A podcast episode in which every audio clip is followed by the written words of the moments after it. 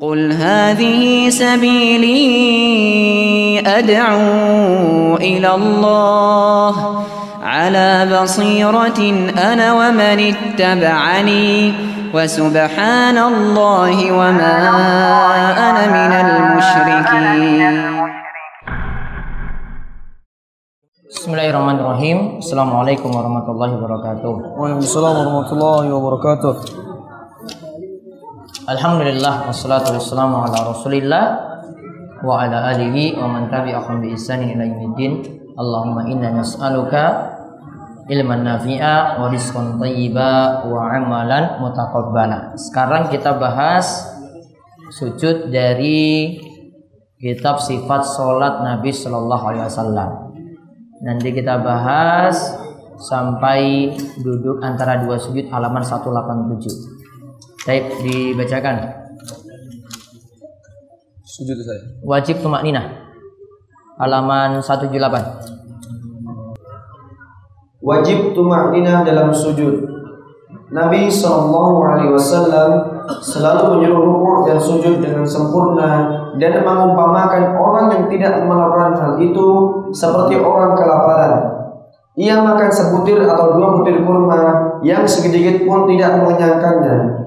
Beliau Shallallahu Alaihi Wasallam bersabda, orang seperti itu adalah pencuri yang paling buruk Itu terjadi ketika kapan? Rukuk dan sujudnya tidak sempurna alias tidak ada tumak ninah. Terus Beliau Shallallahu Alaihi Wasallam menyatakan bahwa orang yang tidak meluruskan tulang belakangnya ketika rukuk dan sujud, sholatnya batal seperti yang telah diuraikan dalam bab rukuk. Beliau Shallallahu Alaihi Wasallam menyuruh orang yang sholatnya salah agar sujud dengan tumak ninah seperti dijelaskan pada permulaan bab ini. jadi intinya tumak ninah itu nanti kalau di sini meluruskan tulang belakang. Artinya kalau tulangnya ketika sujud itu sudah turun seperti itu, maka sudah dikatakan tumak ninah. Tenang.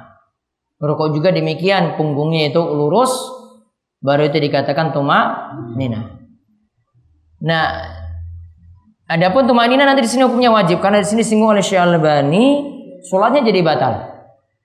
Kalau tidak ada tumak nina. Artinya kalau yang kemarin kita lihat uh, sifatnya seperti ayam matok misalnya, maka kalau tidak ada tumak nina, kadarnya itu sekali baca zikir, yaitu subhanallah, maka disebut tumak nina. Tidak ini dicapai, maka tidak ada tumak nina. Terus yang ketiga, Doa doa sujud.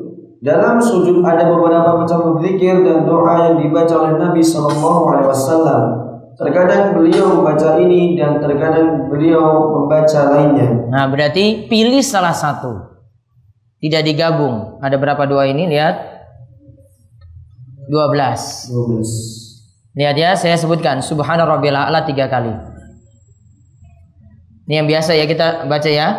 Kemudian yang kedua ditambahkan wa bihamdi. Subhana rabbil a'la wa bihamdi tiga kali juga. Terus yang ketiga, Subuhun Kudus Rabbul Malaikati Warro. Sama nggak dengan bacaan rukuk? Sama. Jadi beri tambah catatan. Ini nomor tiga ini sama dengan bacaan rukuk. Rukuk bisa baca ini, sujud bisa baca ini. Yang keempat, Subhanakallahumma Rabbana wa bihamdika Allahumma gfirli. Sama enggak? Sama. Sama. Maka beliau sebutkan nih dua ini banyak beliau baca dalam rukuk dan sujud sesuai dengan perintah Al-Qur'an yaitu surat alam uh, surat Iza Jaa Nasrullah. Surat An-Nasr. Jadi nomor tiga dan nomor empat bisa sama-sama dibaca ketika rukuk dan sujud. Rukuk baca itu, sujud baca itu juga. Bahkan kalau jenengan mau ngajar anak-anak TPA baca seperti ini lebih mudah. Rukuk baca apa? Baca ini, sujud ini juga. Jadi dia nggak bingung nanti pilih subhana rabbiyal a- azim itu di mana, subhana rabbiyal a'la itu di mana. Wah, ini sudah bacanya satu. Lebih mudah. Terus yang kelima, Allahumma laka sajadtu wa bika amantu. Kalau sebelumnya kalau ruku Allahumma laka roka'tu, iya dah? Ada. Kalau ini sajadtu wa bika amantu wa laka aslamtu wa anta rabbi sajada wajhi lilladzi khalaqahu wa sawwarahu fa ahsana suwarahu wa syaqqa sam'ahu wa basarahu fatabarakallahu ahsanul ahsanul halikin. Ini agak panjang. Ya, bisa dibaca ketika sujud. Terus yang keenam, Allahumma firli dzambi kullah. Wa dikkahu wa jillahu wa awwalahu wa akhirahu wa alaniyatahu wa sirrahu. Ini doanya nomor 6 ini doa untuk minta ampun. Allahumma firli dzambi kullahu. Yang saya hafal tidak pakai wa. Bisa pakai wa juga di sini. Wa dikkahu wa jillahu wa awwalahu wa akhirahu wa alaniyatahu wa sirrahu. Juga juga baca nomor 7 sajadalaka sawadi wa khayali wa amana bika fuadi wa abu bi nikmatika alayya. Hadhi yadi wa majanaitu ala nafsi. Nanti baca artinya sendiri ya. Baca atau hafal itu sekalian dengan arti lebih bagus. Kemudian subhana zil jabaruti wal malakuti wal kibriya wal azama. Sama gak dengan rukuk? Sama. Doa ini dan seterusnya dibaca oleh Nabi SAW dalam sholat lain yaitu nomor 9 sampai 12 baca dalam sholat malam. Subhanakallahumma bihamdika la ilaha illa anta nomor 9. Nomor 10 Allahumma firli ma asrartu wa ma a'lantu. Ini biasa dibaca pada sholat malam ya. Kemudian Allahumma ja'ali fi qalbi nura wa fi lisani nura wa ja'al fi sam'i nura wa ja'al fi basari nura wa ja'al min tahti nura wa ja'al min fawqi nura wa an yamini nura wa an yasari nura wa ja'al amami nura wa ja'al khalfi nura wa ja'al fi nafsi nura wa a'zim li nura jadi semuanya pakai nura namun nanti lihat ada kolbi, ada sam'i, ada basori, ada tahti, ada fauki, ada yamini, ada yasari, ada amami, ada khalfi, ada nafsi, ada wa a'zim li nura. Ini nomor 11 kayaknya bagus ini apa?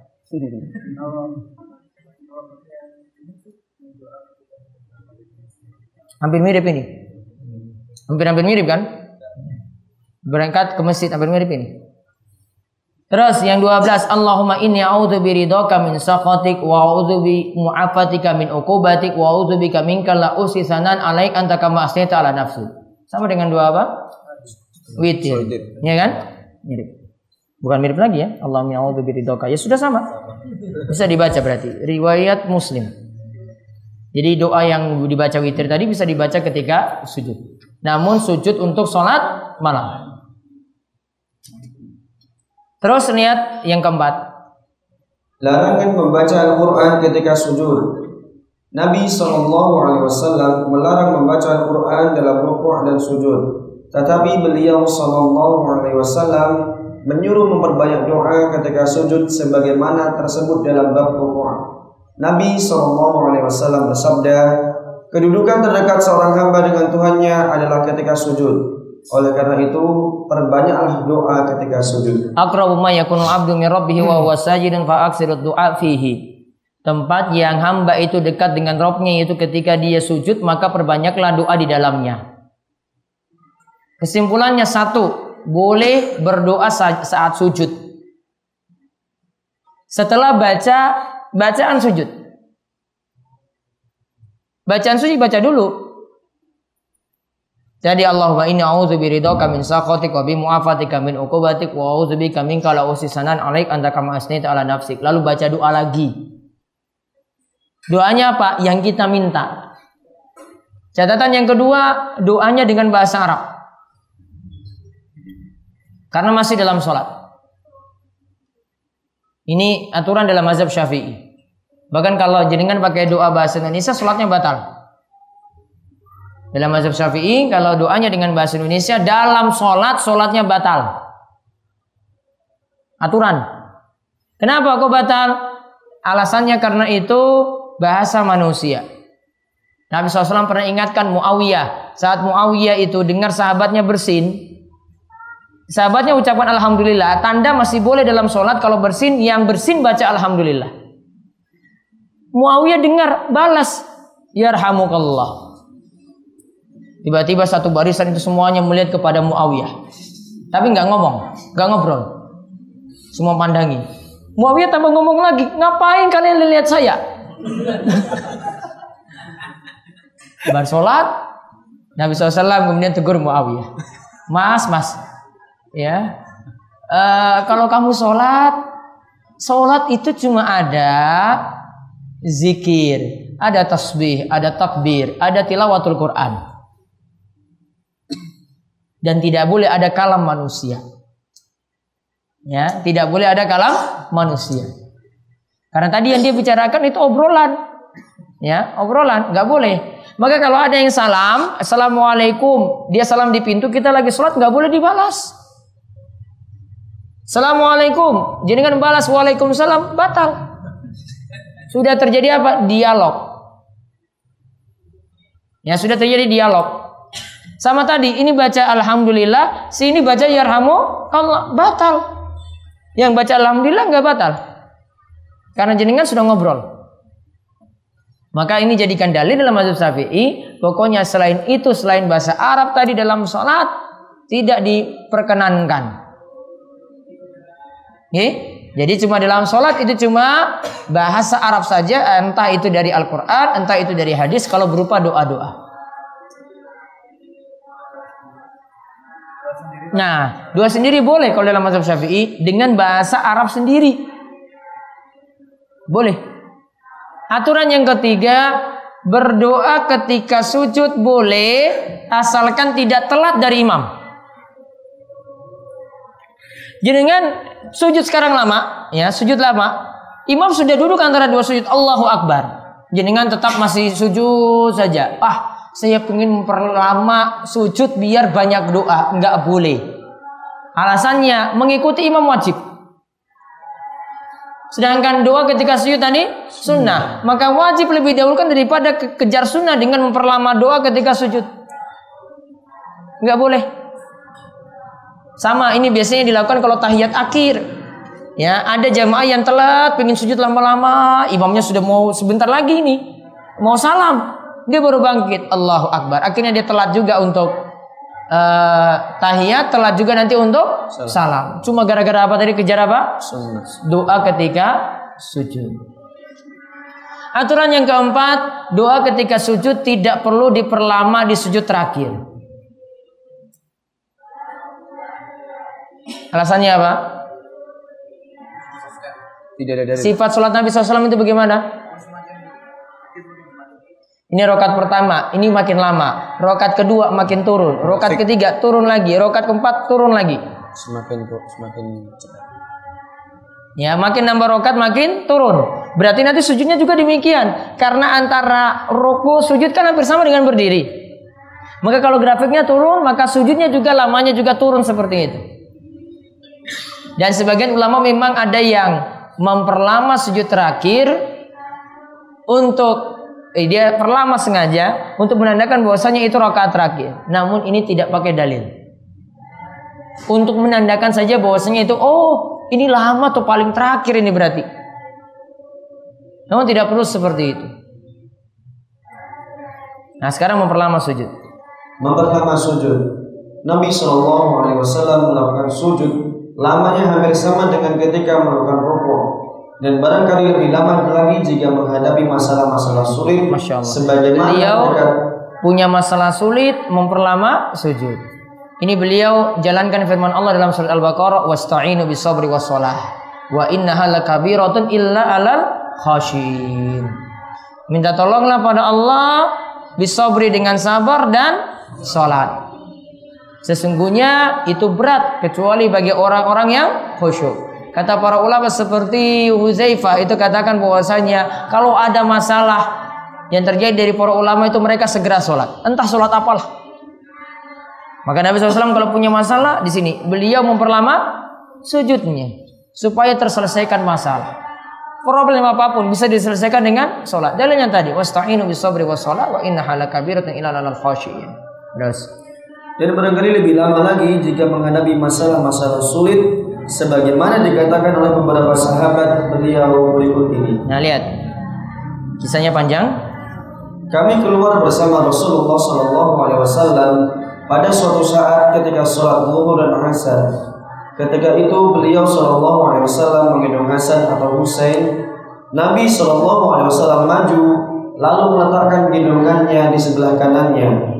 Kemudian beliau bertakbir untuk melakukan sholat lalu sujud. Salah satu sujudnya beliau lakukan lama sekali. Lihat, dalam sholat saja masih sempat gen- gendong putunya loh ini. Anda masih boleh menggendong anak dalam sholat. Ini ibu bisa lakukan kalau istri punya omongan anak kecil, bisa dia itu sambil kadang anak mau ditinggalkan nangis terus, maka ibu boleh gendong. Ketika dia tinggal sesuaikan nanti dia pegang ketika rokok, mau sujud nanti dia taruh dulu, nanti baru ambil lagi. Ketika mau sujud taruh lagi. Bisa seperti itu. Banyak gerak seperti ini tidak membatalkan sholat. Maka ada kaidah yang disebutkan oleh Syekh Muhammad bin Shalih Utsaimin, gerakan tambahan bisa membatalkan sholat jika memenuhi tiga syarat. Gerakan tambahan bisa membatalkan sholat kalau memenuhi tiga syarat. Satu, banyak. Dua, terus menerus. Tiga,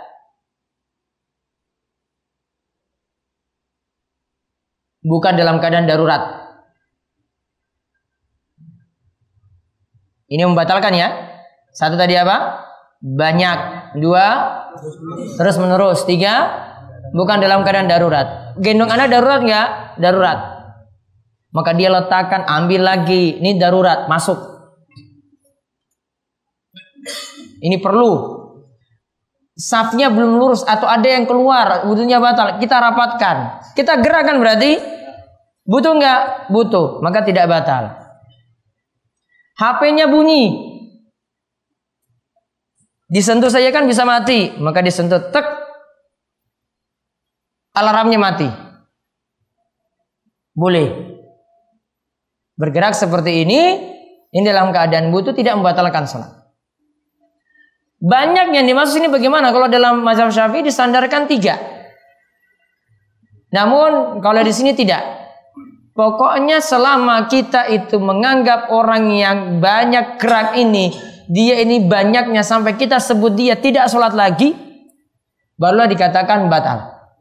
Contoh, dia sholat, namun garuk-garuk terus. Wah, kita nilai dari jauh orang ini gak sholat ini dia cuma gatal-gatal saja pas berdiri. Berarti kalau sudah penilaiannya seperti itu, oh berarti dia tidak sholat.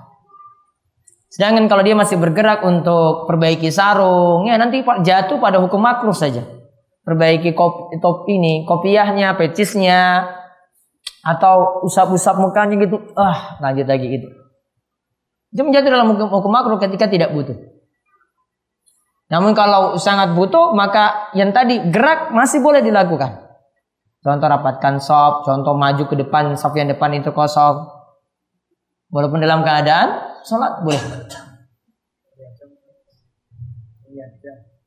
Ngelihat jam makruh saja. Ya, makruh saja. Berapa banget ini ya. Wah ini sudah bahasanya lagi. Yang penting nggak lihat HP SMS masuk. Ada lagi yang bukan balasnya cepat lagi pakai shortcut kan. Assalamualaikum RSLM. Waalaikumsalam warahmatullahi wabarakatuh. Keluar itu kalimat. Batal berarti. Kita nilai dia itu lagi nggak sholat. Oh dia balas SMS kok. Baik. Ini tadi ya, sampai gendongan tadi terus. Kata perawi, aku angkat kepalaku dengan orang banyak, tetapi ternyata kulihat anak yang digendongnya masih berada di atas punggung Rasulullah Shallallahu Alaihi Wasallam. Padahal beliau tengah sujud. Lalu saya kembali bersujud.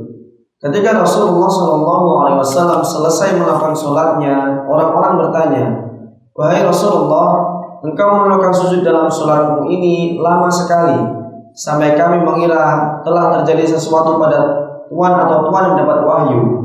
Beliau Shallallahu Alaihi Wasallam bersabda, semuanya itu tidak, tetapi cucuku ini menunggangiku dan aku tidak senang tergesa-gesa sampai anak ini puas dengan keinginannya. Masya Allah, biarkan putune terus di atas punggung. Ya enggak di, di enyahkan gitu enggak.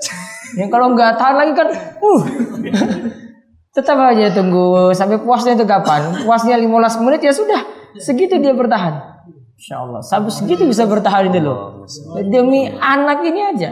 Ya ini paling sholat sendiri. Ini nggak ada ini kan. Kalau bersama Rasulullah SAW ketika sholat. Oh ini sholat berjamaah juga ini. Makanya persahabat tanya di akhir seperti itu. Terus masih lanjutannya ada. Dalam hadis lain disebutkan Nabi SAW sedang sholat ketika beliau sujud tiba-tiba Hasan dan Husain menunggangi punggungnya lalu orang-orang menghalangi kedua anak ini akan tetapi beliau SAW memberi isyarat kepada mereka untuk membiarkannya tatkala beliau selesai sholat kedua anak itu diletakkan di pangkuannya dan bersabda Barang siapa mencintai aku, hendaklah dia mencintai kedua anak ini. Yaitu siapa? Hasan mencintai. Hasan dan Allah. Jadi ini juga menunjukkan keutamaan cucunya tadi Hasan dan Husain. Terus sekarang tadi kita bahas sujud Nabi SAW itu lama.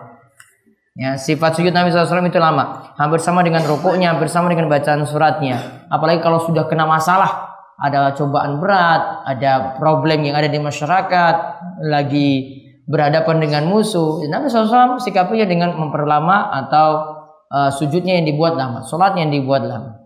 Kemudian sekarang yang keenam keutamaan sujud. Keutamaan sujud. Nabi SAW bersabda, setiap orang dari umatku pasti aku kenal pada hari kiamat kelak. Para sahabat bertanya, wahai Rasulullah, bagaimana Tuhan mengenal mereka? Padahal mereka di antara banyak makhluk.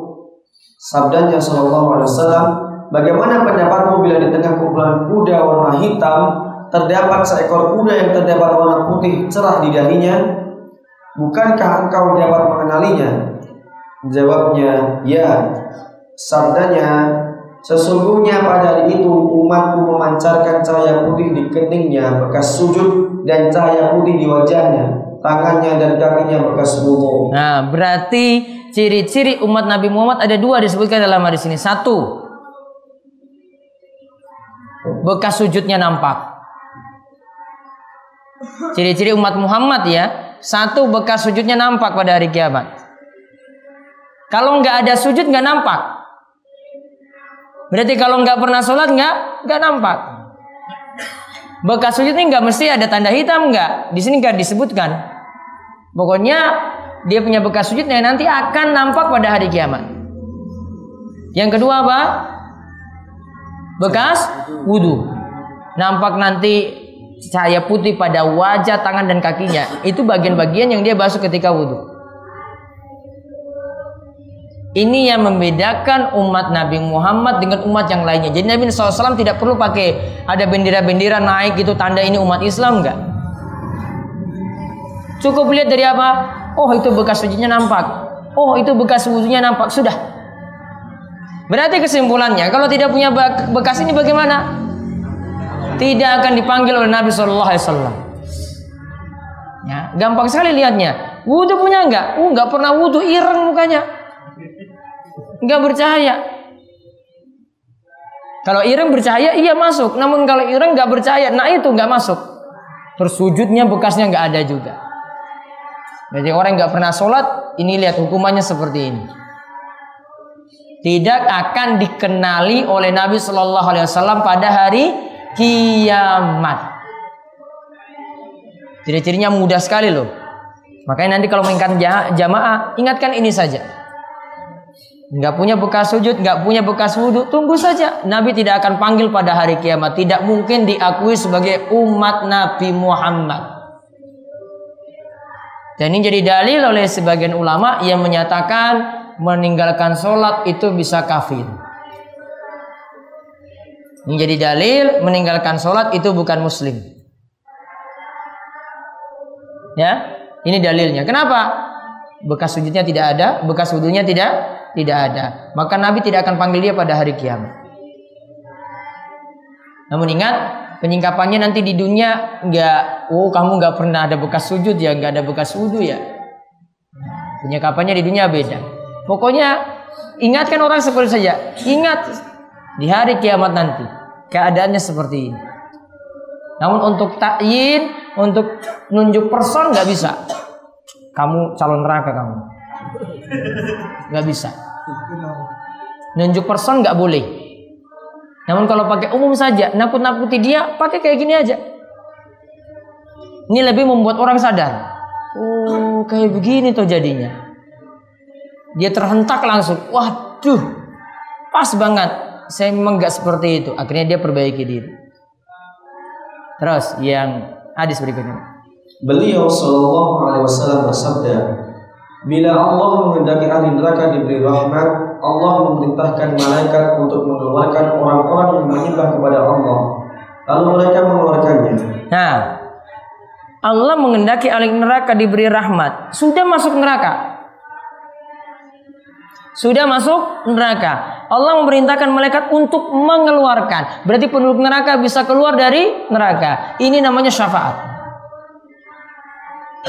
Dan ini yang jadi dalil alusuna wal jamaah penduduk neraka yang masih ada iman, yang masih ada tauhid tidak kekal dalam neraka. Ya, saya selalu ingatkan hal ini karena sebagian ya, sebagian kita itu ada yang punya pemahaman kalau sudah masuk neraka nggak keluar keluar. Saya pernah ingatkan ketika kajian malam kemis. Ini pemahaman sesat menyelisih pemahaman alusunnah wal jamaah yang sudah termaktub dalam kitab-kitab akidah. Kalau menurut alusunnah, kalau dia masih punya iman, walaupun masuk neraka punya peluang untuk keluar, sebagaimana hadis ini. Sedangkan yang menyatakan tadi masuk neraka kemudian tidak akan keluar-keluar lagi. Pemahaman yang pertama itu pemahaman khawarij. Kemudian yang kedua itu pemahaman dari yang mengikuti khawarij seperti uh, seperti murjiah. Ya, karena murjiah itu menganggap kalau di dunia orang seperti itu manzila baina manzilatain. Namun kalau sudah di akhirat dia masuk neraka tidak akan keluar-keluar. Sama seperti orang khawarij. Kalau sudah masuk neraka tidak akan keluar-keluar. Sekarang pemahaman khawarij itu tidak perlu ada dalam satu aliran tidak perlu. Cukup pemahaman orang dia kadang punya pemahaman khawarij kadang punya pemahaman syiah gabung semuanya. Ya tergabung dalam dirinya. Oh dia penolak takdir masuk kodaria ada juga. Ada seperti itu. Tercampur dalam pemikirannya macam-macam.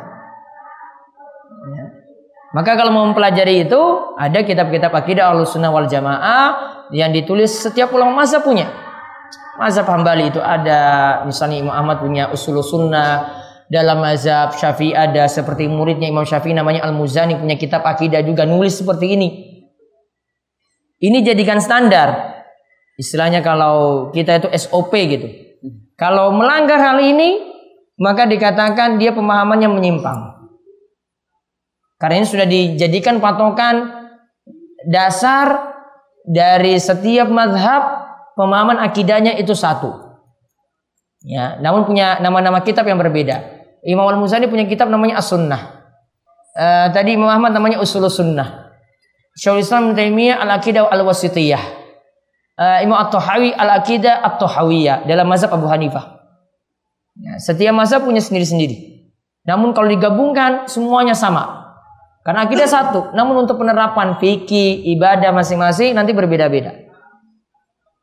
Terus mereka dikenal karena adanya bekas sujud pada dahinya dan Allah mengharamkan neraka memakan tanda bekas sujud sehingga mereka dikeluarkan dari neraka.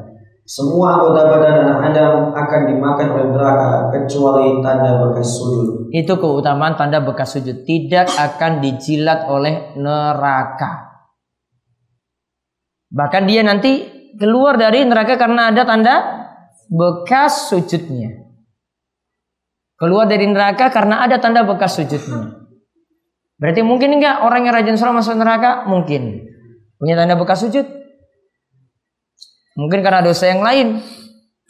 Namun yang jelas orang yang selamat dari neraka ini ya, selamat dari neraka kalau punya tauhid. Bersih dari syirik. Namun kalau ada syirik tidak akan keluar-keluar. Kalau ada kesyirikan tidak akan akan tidak akan keluar dari neraka. Namun kalau tidak ada syirik, dia tauhidnya bersih dari kesyirikan, namun ada maksiat, memang masuk neraka kalau Allah kehendaki, namun tidak kekal di dalamnya. Atau yang para ulama sebut tahtal masyiah, tergantung kehendak Allah. Allah mau menyiksa dia, Allah mau menyelamatkan dia dari neraka, tergantung Allah. Nah, kemudian sujud di atas tanah dan tikar. Nah, So- nanti kita bahas untuk besok pagi saya sujud di atas tanah dan tikar dan pembahasan selanjutnya insya Allah. Besok pagi nanti selesaikan, baru selesai baru istirahat. Insya Allah. Full Ustaz. Besok masuk? Enggak. Oh enggak, iya. Full. Sore masuk Ustaz. Paling cuma berapa menit saja selesai. Sampai ini tadi ya. Halaman 184. Sudah ada pertanyaan?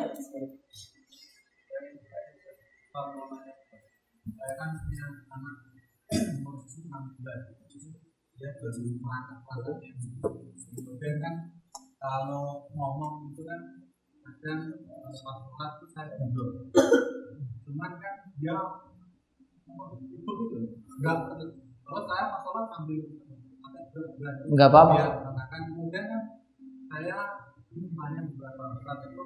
Kalau sujud itu yang harus diletakkan kemudian kita langsung baru sujud cuman kadang saya pernah kayak gitu anaknya main gitu loh. Lari itu kemudian akhirnya tetap saya bilang tapi saya posisi sujudnya ini saya nggak sedang pindah untuk tambahnya gimana pak? Itu apa ya ini sama batasan suci si anak itu bagaimana kan anak sering ngopal kemudian kan habis ngopal, Anak laki-laki apa anak perempuan? laki-laki kan itu kan cuma diganti di apa dilap kemudian diganti terangannya itu apakah itu sudah itu apakah harus dibersihkan itu pakai air Yang pertama tadi yang jelas sujud kalau bisa ini nempel dahi dan hidung nempel satu. Kedua telapak tangan nempel. Yang ini biasanya sudah nempel. Lutut dan ujung kaki sudah nempel. Namun usahakan tangannya ini nempel ini telapak tangan. Konsekuensinya seperti itu. Jenengan kalau lihat keadaan anak seperti tadi, cukup baca standar standar sah saja, yaitu standar tumak nina. Sekali baca. Subhanallah Allahu Akbar. Pegang dia lagi. Dapat standar wajib kan? Nah, pe- penuhi rukun saja, sholat sah. Kadang keadaan darurat kita hanya penuhi rukun loh. Karena sudah keadaan kepepet ini, nggak mungkin penuhi. Ah, saya mau baca Subhanallah al sampai tiga kali pelan-pelan gitu. Wah, tadi anaknya kabur tadi gimana? Jadi perlu pertimbangan. Kadang satu kondisi kita kejar rukun. Kadang satu kondisi kita tambah dengan yang sempurna lagi, sunnah. Jadi bisa dipertimbangkan seperti itu. Yang jelas saat sujud, tujuh anggota badan harus nempel. Ini jadi satu. Kedua telapak tangan, kedua lutut, kedua ujung kaki. Adapun yang kedua tadi tentang sucinya anak, kalau itu anak laki-laki masih eh, mengkonsumsi ASI, susu, ya, dan itu jadi pokok. Apa makanan jadi pokok sekarang?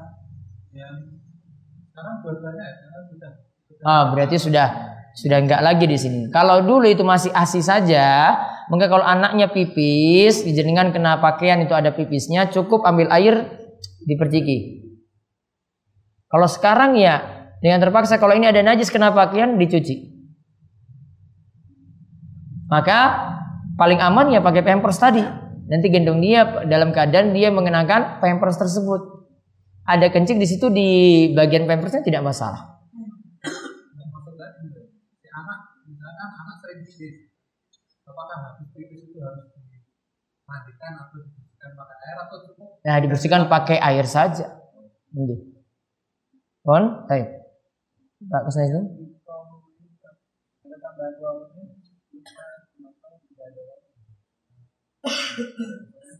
Iya, saya juga nggak ada hawa bunyi.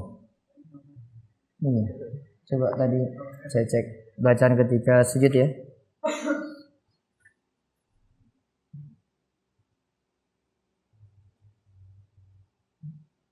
Sama juga ada. Ini, kita bahas. Riwayat Muslim. Mau pakai wow, mau enggak juga sama. Karena yang saya baca juga itu enggak pakai wow, itu doa sujud juga. Enggak ada. Paling panjang paling afdol. Nah, jadi baca doa itu dulu baru nanti tambah doa sendiri. Lebih panjang daripada doa itu boleh? Asalnya pakai bahasa Arab. Atau doa-doa yang ada itu dalam Al-Quran, hadis, pakai itu semuanya. Kalau mau gampang ya pakai 50 doa yang saya susun itu sudah doa paling gampang-gampang itu enggak sering kas padat jelas.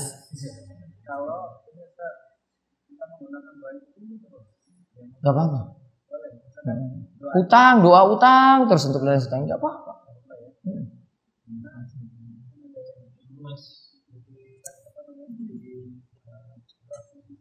Gak apa-apa.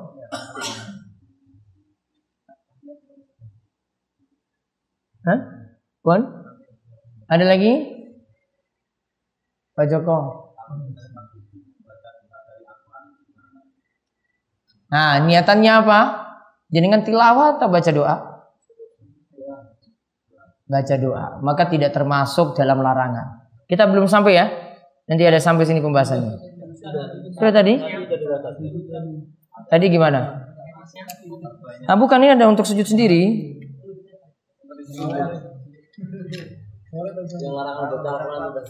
Bacaan Al-Quran ketika sujud. Oh iya, itu rukuk dan sujud langsung sekaligus dibahas ya. Ini larangan baca Al-Quran ketika sujud ya. Nabi melarang baca Al-Qurannya, namun Nabi tidak melarang kalau kita baca doa dari Al-Quran. Karena beda niatannya. Jadi semuanya tergantung pada niat. Ada lagi? Ya.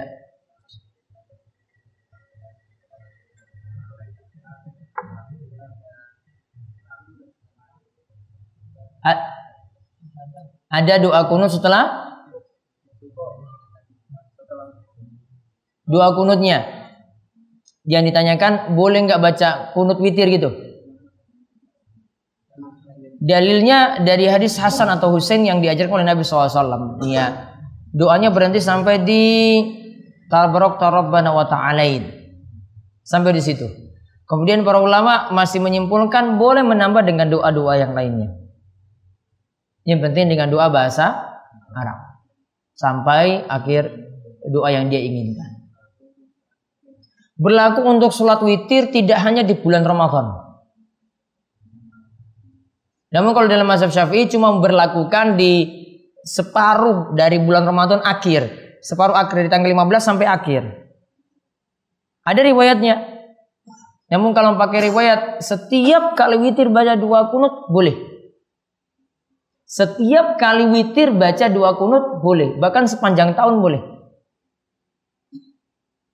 Nah, kalau dalam mazhab Syafi'i cuma setelah separuh Ramadan. Dari 15 sampai terakhir. Kalau di sini jarang mempraktekkan. Kalau di Indonesia Timur seperti itu. Mereka mau masuk tang uh, tanggal 15, ayo kunut.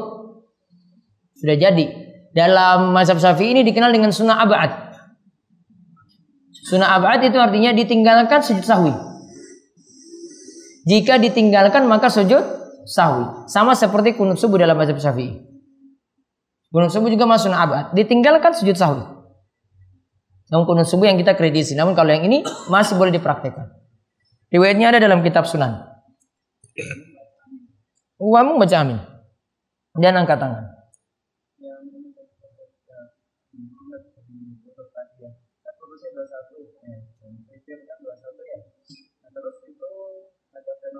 membaca kunutnya itu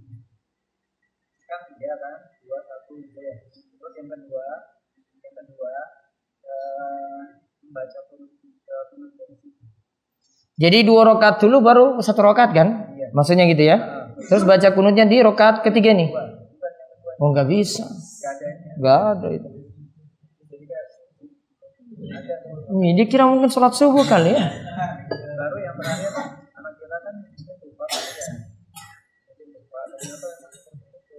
Wah keliru itu. Ya, dia harus bawakan dalilnya atau pendapat mazhab mana ya ini. Kalau kalau nggak ada dalil pendapat mazhab mana kalau gitu. Sama sebagian orang keliru juga uh, witirnya mirip sholat maghrib nggak boleh. Witir ada yang mirip sholat maghrib. Apa berarti? Pakai tahiyat awal nggak boleh. Tahiyat awal berdiri lagi, mirip aturannya sholat sunnah harus dibedakan dengan sholat wajib. Kalau bisa dibedakan. Dan ini bisa dibedakan. Bedanya apa? Tiga langsung atau kita pisah dua satu. Sudah itu saja. Kita tutup kalian doa kafaratul majelis. Subhanakallahumma bihamdika asyhadu an la wa. Assalamualaikum warahmatullahi wabarakatuh.